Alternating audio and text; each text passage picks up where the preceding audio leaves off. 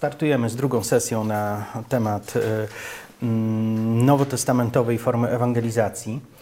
I e, chciałbym e, mm, odnieść się do e, różnych miejsc Nowego Testamentu, które pokazują, w jaki sposób Ewangelia była prezentowana i e, jakie e, tego skutki bywały. E, mm, e, Myślę też, że niektóre z tych rzeczy mogą być dla nas lekko zaskakujące, ale e, kiedy patrzymy na ten temat, to ja jestem wdzięczny Bogu za to, że został on zaprezentowany w taki dość pełny sposób, dlatego że gdyby temat ewangelizacji był zaprezentowany tylko od strony takiej mm, patetycznej, e, gdzie moglibyśmy widzieć triumfujący Kościół, e, posuwający się do przodu bez żadnych przeszkód, problemów, cierpienia, e, to e, byłoby to mm, bardzo obciążające dla tych, którzy jednak w swoim doświadczeniu mają wiele licznych problemów. Kiedy spojrzymy na mm, rzeczy, które dzieją się w Nowym Testamencie w kontekście e, przekazywania Ewangelii, to możemy zauważyć kilka ciekawych, e, pojawiających się elementów. Jednym z elementów jest przekazywanie słowa, jest to głoszenie. Innym z elementów jest manifestowanie w nadprzyrodzony sposób wiarygodności tego, o czym się mówi, obecności i mocy Boga w poselstwie, które się niesie do świata. Inną rzeczą jest e, ciągle powracający temat prześladowań, bólu i cierpienia wynikającego z tego, że ludzie decydują się na posłuszeństwo e, Bogu. E, I kolejną rzeczą, którą możemy też obserwować w piśmie, to to, że żadne z prześladowań nie jest w stanie zdławić Kościoła ani doprowadzić do tego, że poselstwo, które mamy e, zanieść światu, zostanie zatrzymane. Więc to są pewne rzeczy, które możemy zaobserwować szczególnie w dziejach apostolskich, e, aczkolwiek mm, wiele e, komentarzy też w zgodzie z tym, o czym mówię, możemy znaleźć w listach. Więc e, e, chciałbym teraz powiedzieć o e, czymś, co możemy znaleźć na początku dziejów apostolskich. Ja myślę, że jest to coś dość wzorcowego. Duch Święty wstępuje w ponadnaturalny sposób. Ludzie są przyciągnięci Jego nadprzyrodzoną manifestacją. Nawraca się wielu ludzi. E, I to jest e, drugi rozdział dziejów apostolskich. W trzecim rozdziale dziejów apostolskich dzieje się coś, e, co trudno jest inaczej zinterpretować jak mm, sytuację, która została precyzyjnie przez Boga przygotowana po to, by stać się czymś, co wzbudzi ciekawość dotyczącą tego, czym jest Ewangelia. Jezus uzdrawiał. E, Wielu nieprzychylnych mu Żydów uważało to za problem. Wielu nieprzychylnych Żydów, patrząc na uzdrawiającego i uwalniającego Jezusa, od razu stwierdzało, że to są złe moce. Inni z kolei mówili wprost, trzeba go jak najszybciej zabić. Wiemy o tym, czytaliśmy e, o tym w Nowym Testamencie, więc mm, zdajemy sobie sprawę z tego, że Jezus ze swoimi cudami e, budził dość e, e, różnorodne odczucia.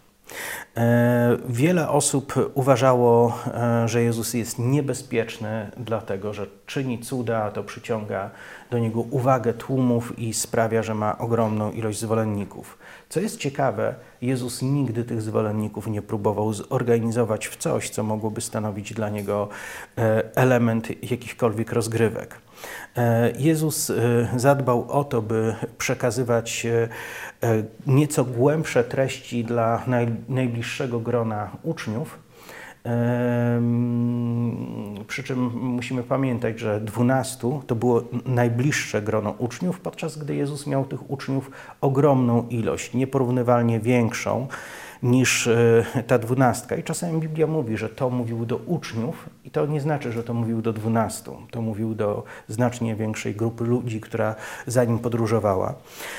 Ale. Mm, Wracając do e, kwestii e, cudów czynionych przez Jezusa, to Jezus e, przyciągał uwagę. Przyciągał uwagę religijnych dygnitarzy, przyciągał uwagę zwykłych ludzi, przyciągał uwagę ówczesnych władców. Herod, kiedy spotkał się z Jezusem, to pierwsze, co mu przyszło do głowy, to to, że Jezus zaraz będzie musiał mu jakiś cud pokazać, bo takie było jego życzenie. E, więc Jezus był kojarzony z cudami gdziekolwiek e, o nim mówiono. Czy mówiły o nim najniższe warstwy społeczne, czy najwyższe warstwy społeczne. Wszyscy kojarzyli Jezusa z cudami. E, z kolei grupa mm, tych osób, które stały za skazaniem Jezusa, tych, którzy stwierdzili, że nie wolno komuś takiemu żyć, ci ludzie uważali, że owe cuda to jest problem, dlatego że te cuda przyciągają e, mm, ludzi e, do Jezusa, podczas gdy Jezus w ogóle nie synchronizuje się z ich planami dla narodu żydowskiego. Oni bali się, że przyjdą Rzymianie, że zabiorą im świątynię, że naród zostanie wciągnięty w następne problemy. Więc yy, myśleli, że jeśli usuną Jezusa, usuną źródło cudów i spowodują w ten sposób, że e, cuda już nie będą się działy i cała historia za jakiś czas zostanie zapomniana i przejdzie do historii. Takie było e, przekonanie i prawdopodobnie to było głównym powodem, dla którego postanowiono Jezusa usunąć. Jednak Jezus umarł, został pogrzebany i wziął zmartwychwstał. I zaczął żyć poprzez y, ludzi, y, których y, powołał do służby. Więc to, co się wydarzyło, to w trzecim rozdziale dziejów apostolskich mamy sytuację, w której mm, uczniowie Jezusa, Piotr i Jan, znajdują się e, koło świątyni.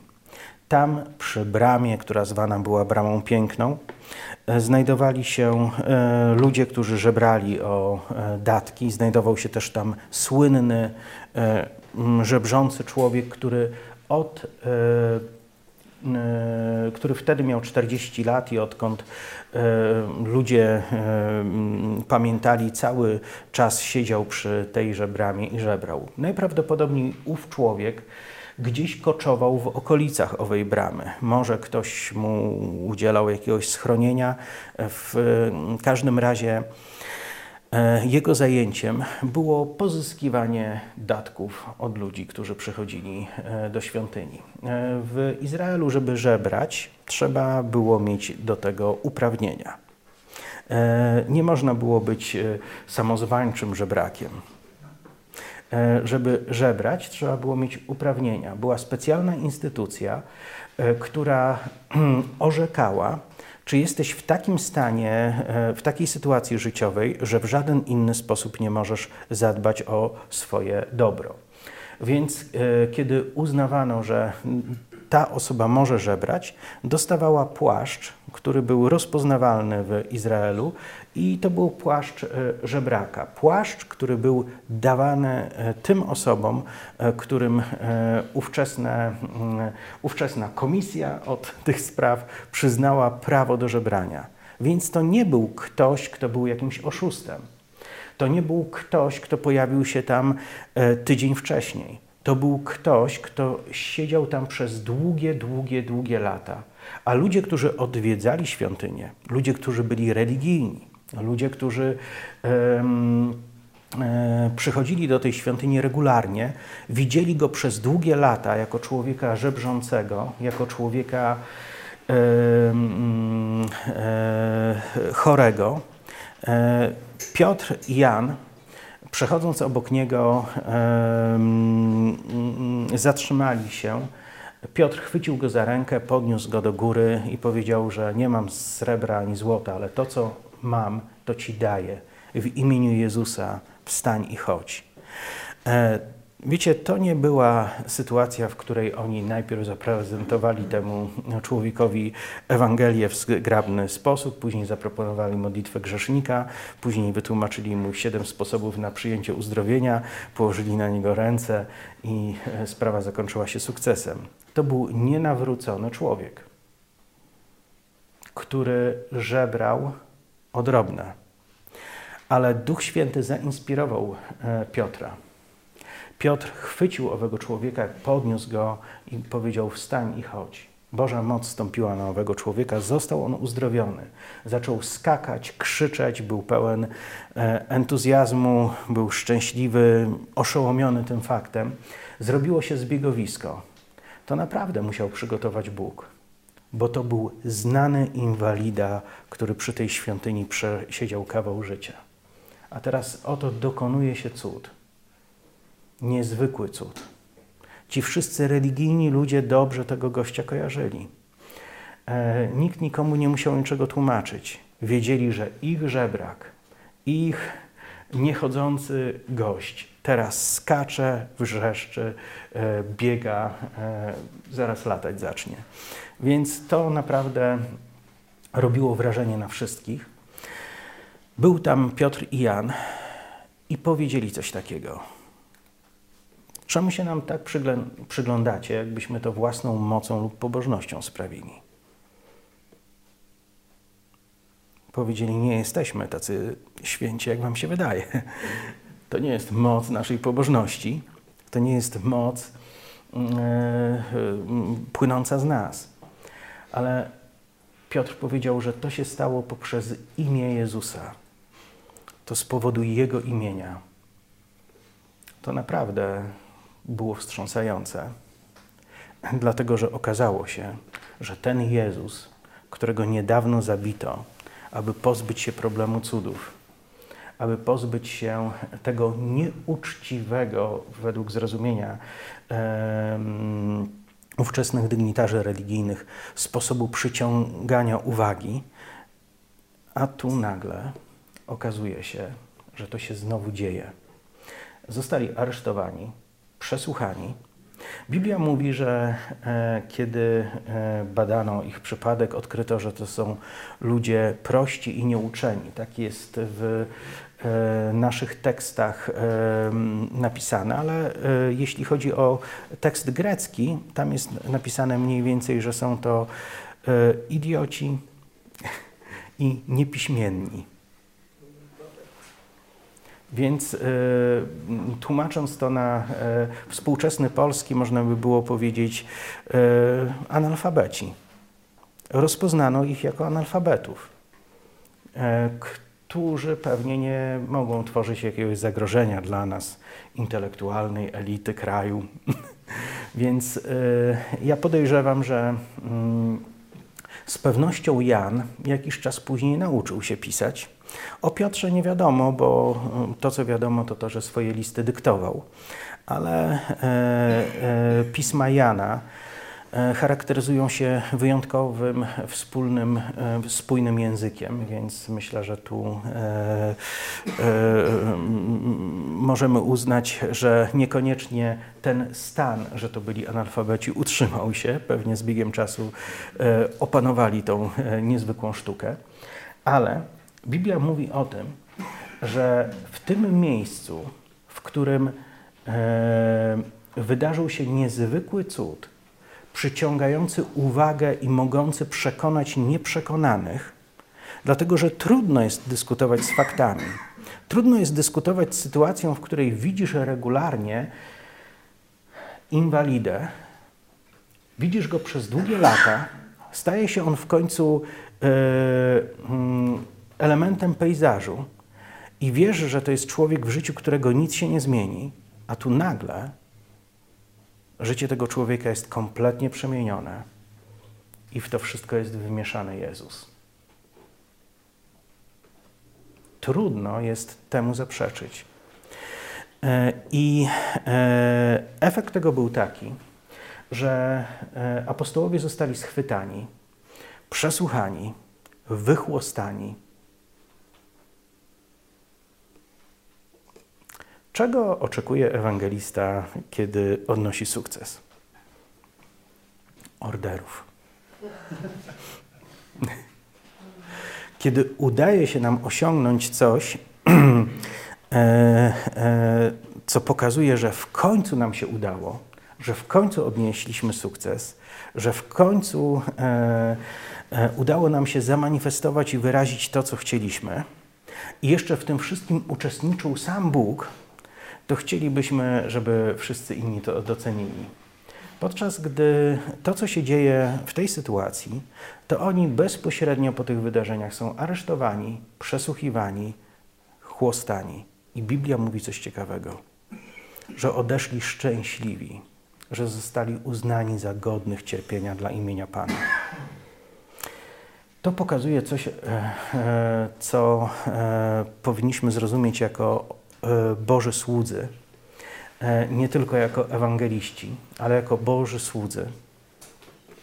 Diabeł zrobi wszystko, co tylko możliwe, aby wprawić Ciebie w taką sytuację, żebyś miał poczucie, że kiedy służysz Bogu, spra- sprowadzasz na siebie kłopoty.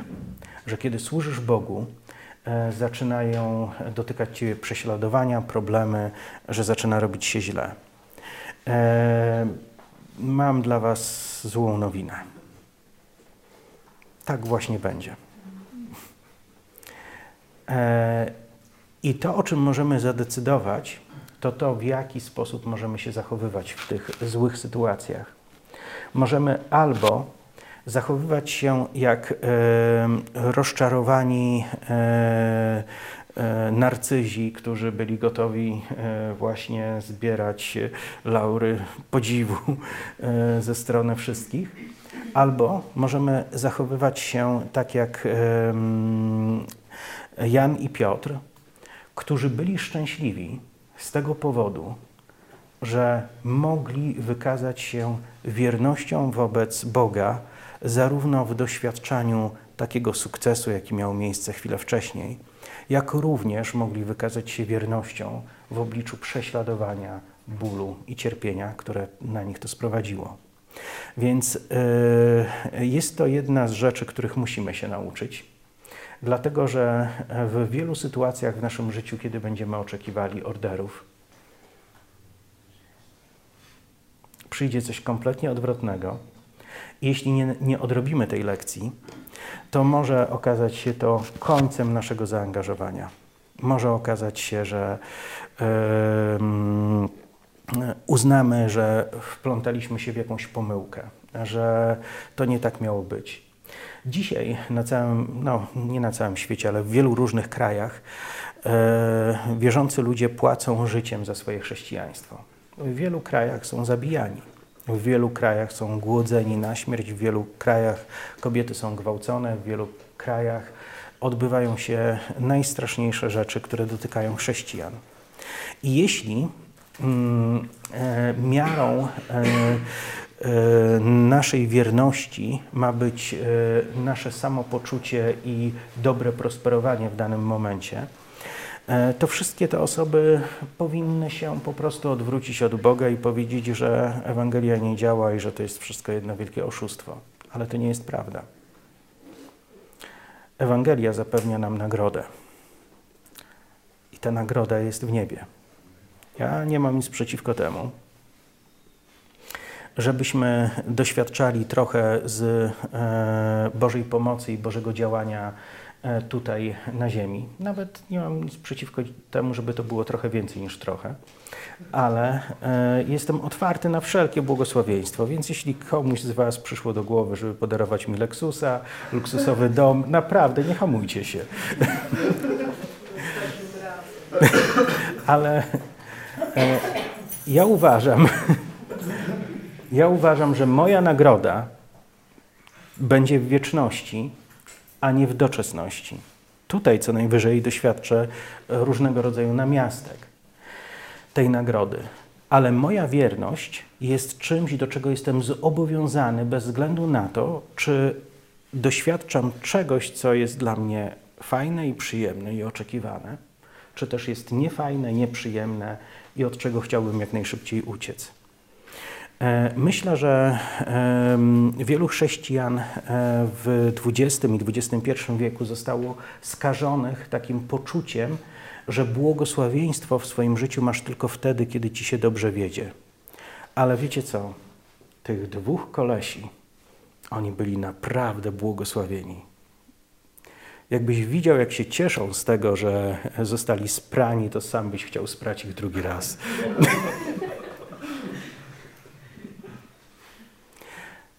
Oni mm, mm, poczuwali, e, mm, że mają zaszczyt w tym, że cierpią z powodu imienia Jezus. I wiecie, e, to jest jedna z lekcji, która jest do odrobienia, bo każdy z nas chciałby oglądać Boże sukcesy w swoim życiu. Chyba, że ktoś by nie chciał. Jest ktoś taki? Ale jeśli chcesz oglądać Boże sukcesy w swoim życiu, to wiedz, że również mogą dotknąć Ciebie rzeczy, które za tymi sukcesami idą. Nienawiść diabła, nienawiść ludzi, którzy są w jego rękach, prześladowanie i problemy. Jednak to, co e, e, dzieje się, kiedy patrzymy na skutki prześladowań e, w Nowym Testamencie, to widzimy, że bardzo często te skutki prześladowań są zupełnie odwrotne niż to, co diabeł chciałby przez nie osiągnąć. Paweł Filipi głosi Ewangelię. Lokalna czarownica postanowiła mu pomóc. Przyszła i zaczęła e, wołać za e, Pawłem e, i jego towarzyszem. To są słudzy Boga żywego, którzy głoszą wam, powiedzmy, przesłanie prosto z nieba. Wiecie, ona nie występowała przeciwko nim, ona zrobiła coś gorszego. Jedną z najgorszych rzeczy, jakie diabeł może zrobić, to powiedzieć: Zgadzam się z tym wszystkim. Dlatego, że e, w ten sposób ktoś, kto był wróżbitą, ona była wróżbitką w tej okolicy, e, ona w ten sposób e, mm, poprzez próby uwiarygadniania tego, co robił Paweł, mm, w ten sposób podświadomie informowała wszystkich, działamy z tego samego źródła. Ja i oni to jesteśmy jeden zespół. Rozmawiałem z wieloma bioenergoterapeutami e, o, e, i dobrze sprawdziłem, e, w co wierzą, jakie mają przekonania. Kompletnie nic związanego z chrześcijaństwem. Oni mówili, Jezus był największym z nas. Jezus był największym bioenergoterapeutą, leczył dotykiem. My chcemy być jak Jezus. Jak to może być złe? Moc, którą czerpiemy, jest od Boga. Wiele razy słyszałem bioenergoterapeutów mówiących w ten sposób. I problem e, e, w tamtej sytuacji mógł być e, bardzo poważny, gdyby nie został zakończony poprzez interwencję, która miała miejsce. Biblia mówi, że mm, Paweł, ogarnięty przez ducha, zgromił tego demona i ten demon wyszedł z owej kobiety. Straciła ona swoją ponadnaturalną zdolność przepowiadania przeszłości, przyszłości, jasnowidzenia e, i tym podobne rzeczy. Jej właściciele, była ona niewolnicą, e, stwierdzili, że popsuto im maszynkę do zarabiania pieniędzy. Byli e, bardzo, bardzo oburzeni złożyli skargę w odpowiednim e, urzędzie. Koniec końców e, Paweł i Sylas zostali aresztowani i wrzuceni do więzienia. Wcześniej zadbano o to, żeby ich porządnie obić. I kiedy ich porządnie obito, e, wtedy stało się tak, że sorry, wtedy stało się tak, że oni bardzo poranieni e, cierpiący, krwawiący, znaleźli się w więzieniu, w lochu, e, w którym e, zakuto ich w dyby. Ja chciałbym w kilku słowach powiedzieć, jak tego typu miejsca wyglądały. E, mogę tu Was zaskoczyć, ale nie było tam łazienki. Szczerze mówiąc, nikt za bardzo nie dbał o to, co się działo z ludźmi, którzy tam się znajdowali, bo jeśli ktoś się tam znalazł, to najprawdopodobniej miał wcześniej czy później umrzeć.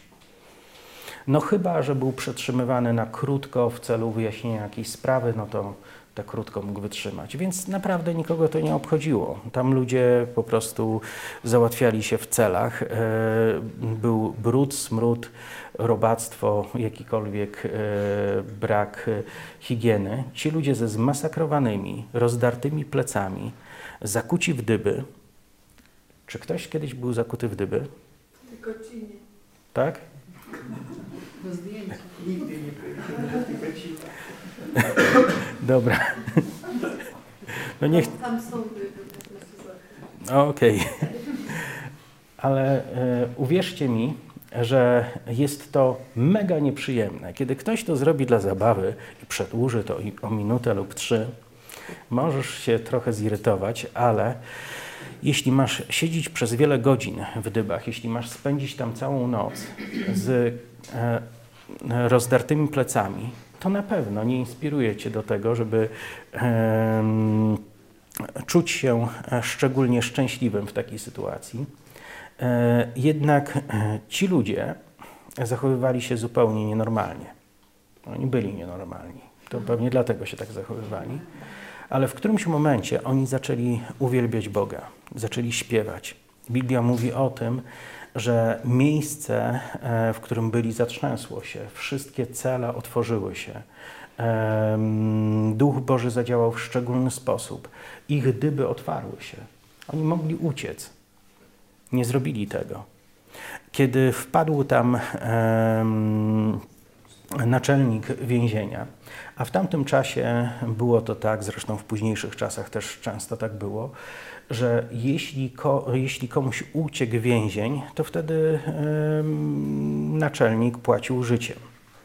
E, Więc e, prawdopodobnie ów naczelnik pomyślał o tym, że jeżeli e, popełni samobójstwo, to kara ominie jego ro- rodzinę. Prawdopodobnie było, była to próba uratowania od śmierci swojej rodziny. Chwycił miecz i chciał się na niego rzucić, ale wtedy Paweł do niego przemówił. Koniec końców, w wyniku tego, że przyszło na nich prześladowanie, nawrócił się bardzo poważny e, człowiek mający e, kontakty e, w wszystkich możliwych sferach tego miasta. Wiecie, jak to jest z naczelnikami więzienia. Dobrze się i z burmistrzem, i dobrze z lokalnymi kieszonkowcami zna.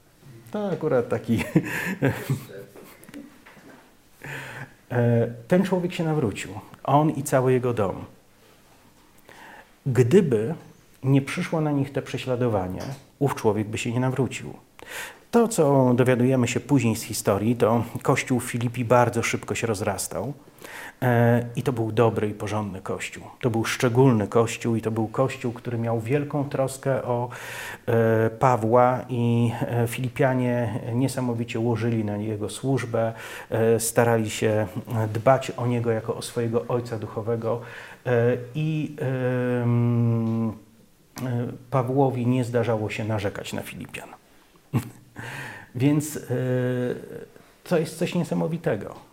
Kiedy diabeł chce ciebie zniechęcić, kiedy zaczyna ciebie prześladować, kiedy robi coś, aby ciebie zniszczyć, a ty pozostajesz wierny Bogu, e, to bardzo często to, co diabeł e, robi przeciwko tobie, może się obrócić przeciwko niemu. Wiecie, kto ma najgorszą robotę na świecie?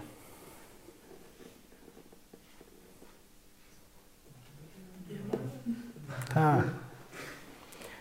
Naprawdę jest trudno, bo kiedy on uderza w wierzących ludzi, to nie wie, czy to nie zaboli go bardziej.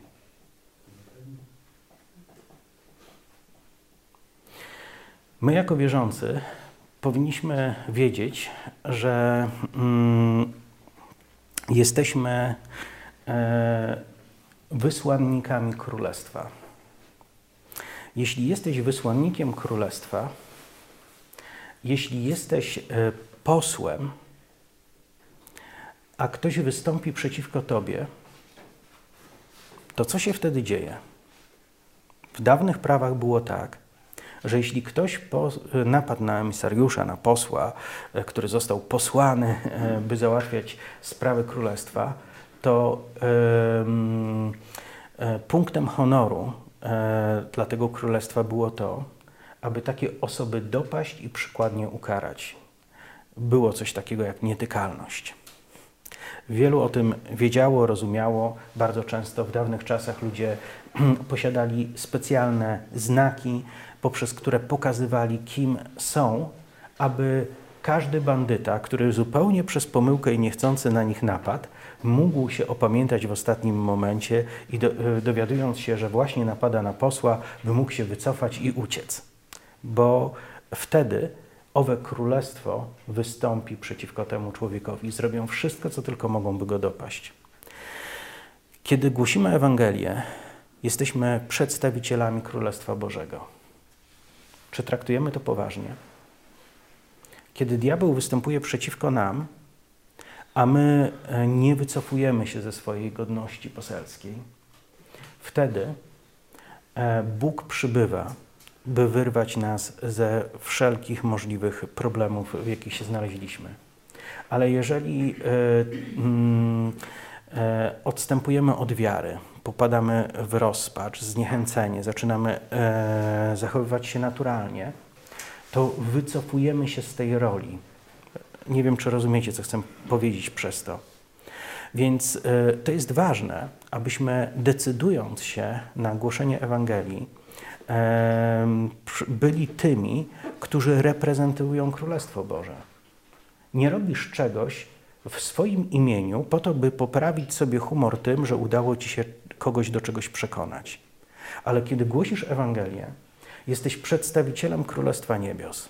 Jesteś upoważniony do tego przez wszechmogącego Boga, e, który postanowił czuwać nad e, tym e, tą misją, która została Ci przeznaczona i postanowił ją wspierać. To jest ciekawe, prawda?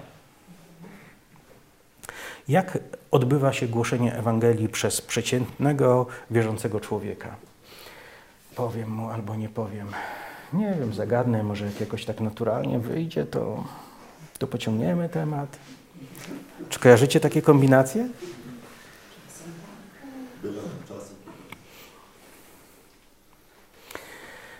O, może zechce mnie posłuchać.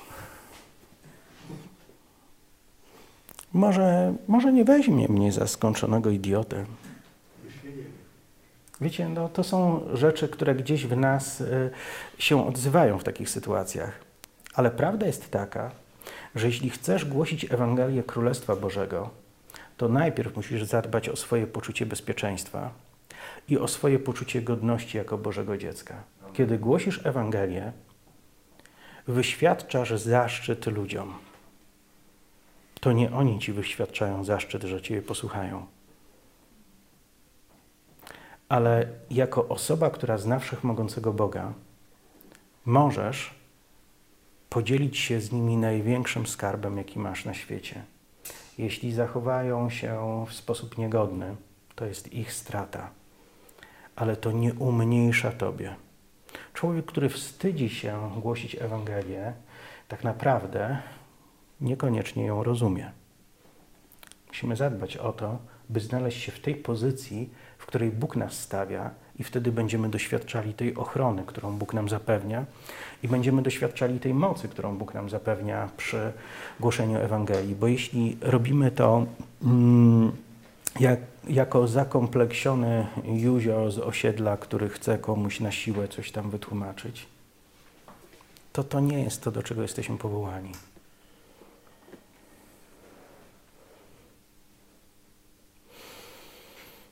Hmm. Kolejna myśl, jaką chcę dotknąć, ona znajduje się w e, trzecim rozdziale listu do Galacjan. Wybaczcie, że nie czytam tych wszystkich miejsc, mówię, gdzie się znajdują, więc każda osoba będzie mogła sobie to później e, sprawdzić. E, odsłuchując nagranie, też możemy e, w te wszystkie miejsca zajrzeć. Ale w trzecim rozdziale listu do Galacjan Paweł wyraża pewne oburzenie i mówi: Kto was zaczarował, kto was omamił, o nierozumni. Tam jest napisane o głupi Galacjanie. Was, przed których oczyma wymalowałem obraz Chrystusa ukrzyżowanego. On zadaje im takie pytanie, i dla mnie jest to odniesienie się do czegoś, co musiał zrobić wcześniej. On musiał im opowiadać o ukrzyżowaniu Chrystusa. Kiedy mówił do Galacjan, nie mówił do Żydów. Mówił do osób, które e, pochodziły z mm, pogan. I mówiąc do nich, zrobił coś dramatycznego. On zaczął im opisywać. Powiedział im, jak Boży Syn przyszedł na świat, jak mm, niezwykłe były wszystkie rzeczy, które towarzyszyły Jego narodzeniu, jak niesamowite cuda dokonywał, pełne współczucia, miłości, pełne e, troski o ludzi. On to wszystko opisywał, kawałek po kawałku. A później mówił o tym, że Jezus postanowił stać się ofiarą. Oddał swoje życie, wziął na siebie cierpienie, które miało spotkać Ciebie, karę, na którą Ty zasługiwałeś. W ogóle nawet go nie obchodziło w tym momencie, czy będziesz chciał to przyjąć, czy nie. Czy pluniesz na całą tą historię i powiesz, że to jakieś głupoty, czy też naprawdę dostrzeżesz to, co rzeczywiście dokonało się poprzez fakt wzięcia Twoich win na siebie przez Bożego Syna. Myślę, że Paweł w sposób rozdzierający serce, rozdzierający umysły, mówił o tym, co Jezus zrobił dla każdego z tych ludzi. On wymalował przed nimi obraz Bożego Syna, który przyszedł na świat z Twojego powodu, z tego powodu, że szedłeś ku wiecznemu potępieniu, że szedłeś do niekończącej się męki i postanowił z samego siebie zrobić drzwi ewakuacyjne, poprzez które możesz uciec od piekła, poprzez które możesz znaleźć się w zupełnie innej rzeczywistości. Myślę, że e, Paweł w bardzo barwny sposób opowiadał im o męce Chrystusa. Nie sądzę, żeby Paweł głosił komukolwiek teologię, że przychodził z notatkami pod pachą i mówił: OK, dzisiejszy nasz temat to odkupienie. Odkupienie polega na tym. Nie sądzę, że apostoł Paweł zachowywał się kiedykolwiek jak jakiś teolog. Myślę, że apostoł Paweł dzielił się tym, co było żywe, prawdziwe i autentyczne w jego sercu. I na tym polegała prawdziwa ewangelizacja. Prawdziwa ewangelizacja to coś, co polega na tym, że dzielisz się z innymi ludźmi swoim największym skarbem. Czy naprawdę tak umiesz o tym mówić? Czy naprawdę możesz powiedzieć, wiesz, to jest, powiem Ci o czymś, co jest najważniejsze dla mnie na świecie. Nie ma żadnej innej rzeczy, która byłaby dla mnie ważniejsza. Podzielę się tym z Tobą, bo, bo mi na Tobie zależy. Czy jesteśmy gotowi w ten sposób przekazywać Ewangelię? Myślę, że wiele koncepcji ewangelizacji e, zostało dopracowanych e, w punktach, co powinniśmy zrobić. Ja nie mówię teraz, żeby być w jakikolwiek sposób przeciwko temu, dlatego że zdaję sobie sprawę, że jeśli ktoś ma pisać poematy, to najpierw musi się nauczyć alfabetu, a jeśli nie nauczy się alfabetu, to i poematy wpisać będzie e, nie za bardzo ale e, e, myślę, że to jest często wielki błąd, że zatrzymujemy się na pewnym przekazywaniu Ewangelii w punktach, jak gdybyśmy przekazywali komuś receptę na zbawienie. A zbawienie to nie jest zupa pomidorowa. Zbawienie to jest coś, co staje się dla nas możliwe kiedy człowiek naprawdę potraktuje Boga tak poważnie, jak tylko może potraktować.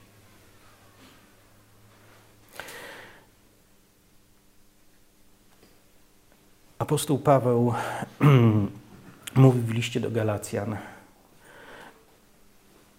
O nierozumni Galacjani, kto was omamił? Kto was od tego odciągnął? Przypomnijcie sobie, co przeżywaliście, co myśleliście, co się działo w waszych sercach, kiedy uświadomiliście sobie, że Boży Syn przyszedł z waszego powodu, by oddać swoje życie, by dać się ukrzyżować, by wziąć na siebie Twoją hańbę, wszystkie Twoje powody do wstydu, by wziąć na siebie Twoje choroby, Twoje cierpienie, by wziąć na siebie wszystko to, co w Tobie było najgorsze, dlatego że chciał obdarować Ciebie sobą, wszystkim tym, co najlepsze.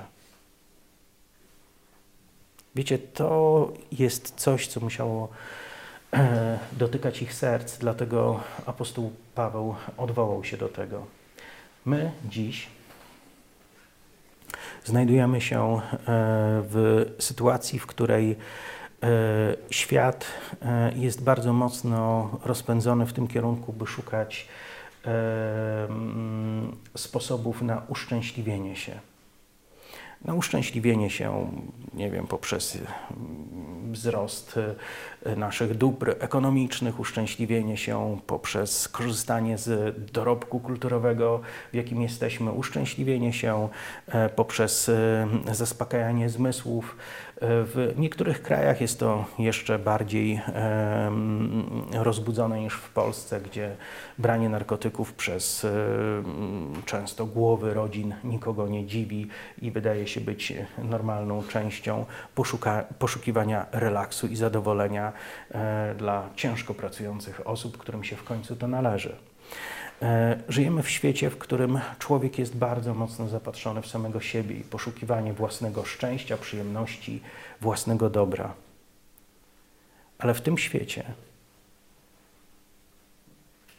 ważne jest to, abyśmy my sami umieli siebie zatrzymać, abyśmy umieli skonfrontować się z krzyżem, abyśmy umieli myśleć o Nim tak, e, myśleć o Chrystusie, o Jego ukrzyżowaniu, o tym, co zrobił dla nas, w taki sposób, byśmy mogli dzielić się tym na bardzo głębokim poziomie z innymi. Paweł pisze w liście do Koryntian: Mowa o krzyżu jest głupstwem dla tych, którzy giną, natomiast dla nas, którzy dostępujemy zbawienia, jest mocą Bożą. Apostoł Paweł pisze w liście do Rzymian w pierwszym rozdziale, 16 wersecie: Nie wstydzę się Ewangelii Chrystusowej, jest ona bowiem mocą Bożą kiedy człowiek wystarczająco dużo czasu spędzi nad studiowaniem tego momentu ukrzyżowania, kiedy spędzimy dużą ilość czasu myśląc o tym, co Chrystus wtedy zrobił, co dla nas zmienił, kiedy zaczniemy myśleć, co wtedy przeżywał, odkrywamy pewną rzecz. Słowo łaska nabiera dla nas zupełnie innego znaczenia bo często jesteśmy poinformowani, że jesteśmy zbawieni z łaski, co znaczy, że za darmo. Za darmo dla nas, ale za cenę, którą On zapłacił. I kiedy zaczynasz powiązywać tą łaskę, która jest Ci dana, z tą ceną, którą On zapłacił, wtedy staje się to naprawdę coś, czego nie możesz traktować w taki lekki sposób. I myślę, że dzielenie się Ewangelią staje się naturalne dla każdej osoby, która spędziła czas na studiowaniu tego, co Chrystus dla ciebie zrobił. Nie mówię o studiowaniu w celu doświadczenia intelektualnego zaspokojenia, ale mówię o studiowaniu w tym sensie, w którym zderzasz się z tą prawdą. On to naprawdę dla mnie zrobił. Spróbuj pobyć z Nim. Spróbuj posiedzieć z Nim w ogrodzie Getsemani. Nie musisz jechać do Izraela, żeby to zrobić. Ale spróbuj sobie wyobrazić wszystkie myśli, wszystkie pragnienia, wszystkie uczucia, wszystko, co działo się w jego sercu, kiedy spędzał tam czas. Spróbuj sobie wyobrazić przesłuchania u Piłata, u Heroda, chłosty, drwiny, nienawiść. Spróbuj sobie wyobrazić tego baranka, który idzie łagodny. Dlatego, że w jego wnętrzu jest coś, co jest o wiele ważniejsze niż całe zło, którego doświadczał. On tam idzie, bo szuka Ciebie. Szuka bezpiecznego miejsca nie dla siebie, tylko dla Ciebie. Robi to nie dla siebie, nie żeby pokazać, jaki jest dzielny.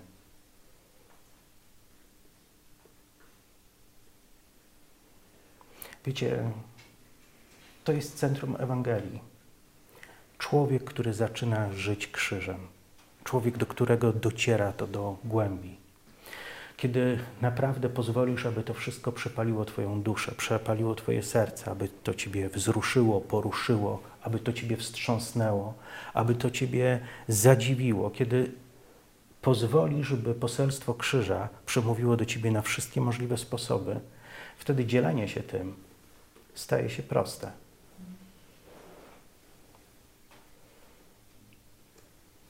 Czy możemy to potraktować jako pracę domową?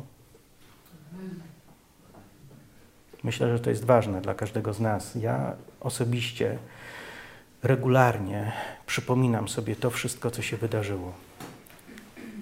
To, co dzisiaj Wam głoszę przez ostatnich kilka minut, sobie głoszę regularnie. Dlatego, że jeśli ja przestanę tym żyć, nie będę umiał dzielić się tym z innymi.